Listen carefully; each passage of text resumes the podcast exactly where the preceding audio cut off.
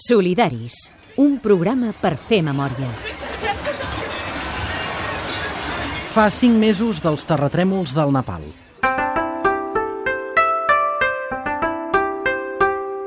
El Nepal és un dels països més pobres del món.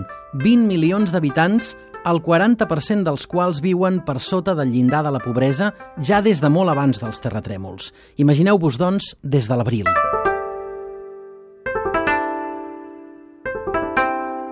A Catalunya Ràdio, Solidaris, amb Adrià Bas. Ek onkar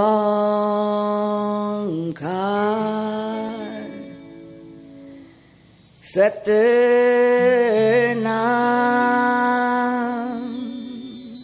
Hi va haver gairebé 9.000 morts. Més de 22.000 persones van patir ferides i ara tenen seqüeles que difícilment podran superar degut a la poca atenció mèdica que van rebre.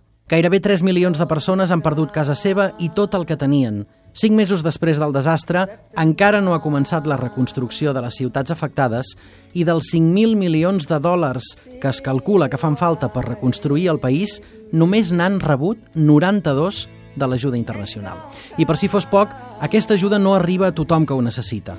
Algunes organitzacions internacionals han denunciat discriminació a l'hora de repartir el material humanitari. Les dones, la casta dels Dalit i les persones amb discapacitat són els últims a rebre auxili. Per explicar què és el Nepal en totes les seves facetes, la turística, la dels paisatges naturals, la cultural i la religiosa i també la política, els qui millor coneixen el país a casa nostra, els alpinistes, han volgut dedicar un número especial de la històrica revista Muntanya en homenatge a la reconstrucció del Nepal.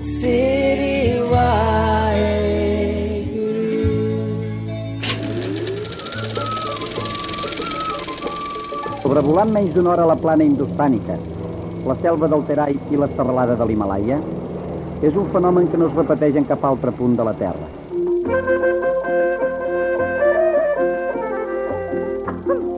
El 80% dels nepalesos viuen de la ramaderia i l'agricultura, principals fonts de riquesa del país, mercès a les òptimes condicions climatològiques.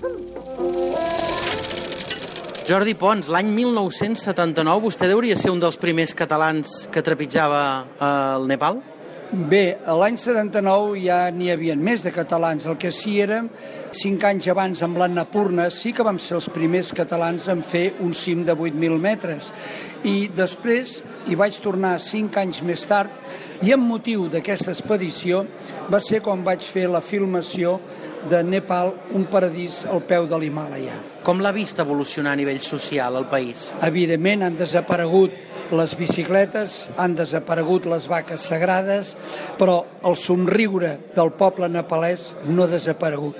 Jo dic que potser per primera vegada el poble del Nepal, amb motiu del desastre del 25 d'abril, potser ha perdut el somriure, però ja el recuperarà. A mi, de l'Himàlaia, el que més m'agrada no són solament les muntanyes, sinó la gent.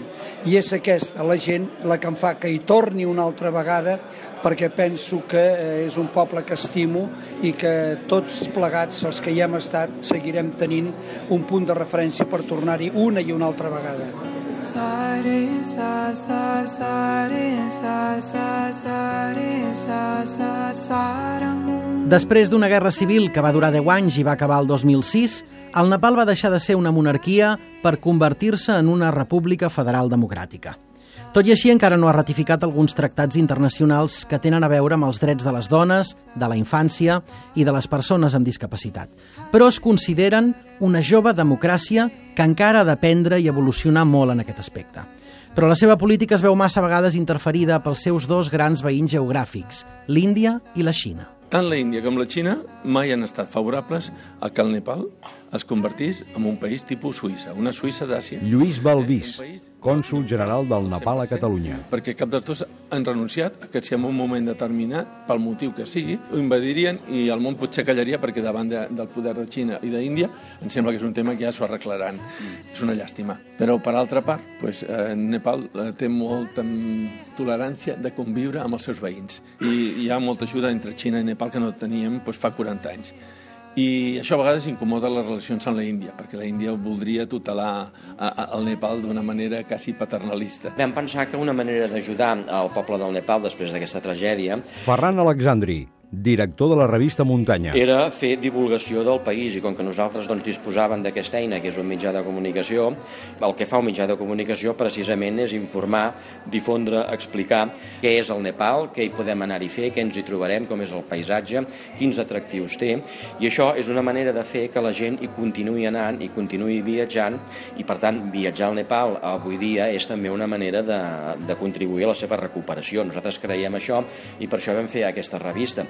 També la vam fer per un altre sentit, perquè volíem conscienciar la societat en general i, per tant, havíem d'explicar també eh, els efectes del terratrèmol, per què es produeixen terratrèmols en aquesta zona, però a part d'això, immediatament explicar què podem fer per ajudar, per col·laborar mm, davant d'una tragèdia com aquesta. Nepal és un país pobre, no té petroli, el seu petroli són les muntanyes.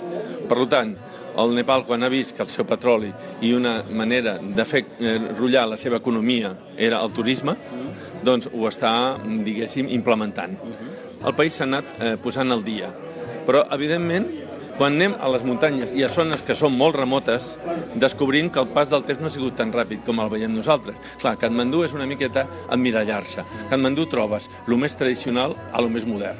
La gent que està amb, amb el WhatsApp, que està amb l'internet i tot això. I veus altres llocs del, del país que arriba. I clar, nosaltres no podem privar que la gent faci aquesta evolució. No és Què els defineix? El seu somriure. Això és una cosa també clàssica que diem sempre, no? És un poble que no perd mai el somriure. Què vol dir això? Que són un poble molt sofert, molt lluitador, molt patidor i, per tant, un poble carregat d'una immensa paciència. I crec que en un moment com el que ha passat al Nepal, amb aquests terratrèmols, pues, s'ha despertat la solidaritat de tot arreu. Aquest número solidari de la revista Muntanya el podeu trobar en llibreries especialitzades i en format digital a iquiosc.cat. Hare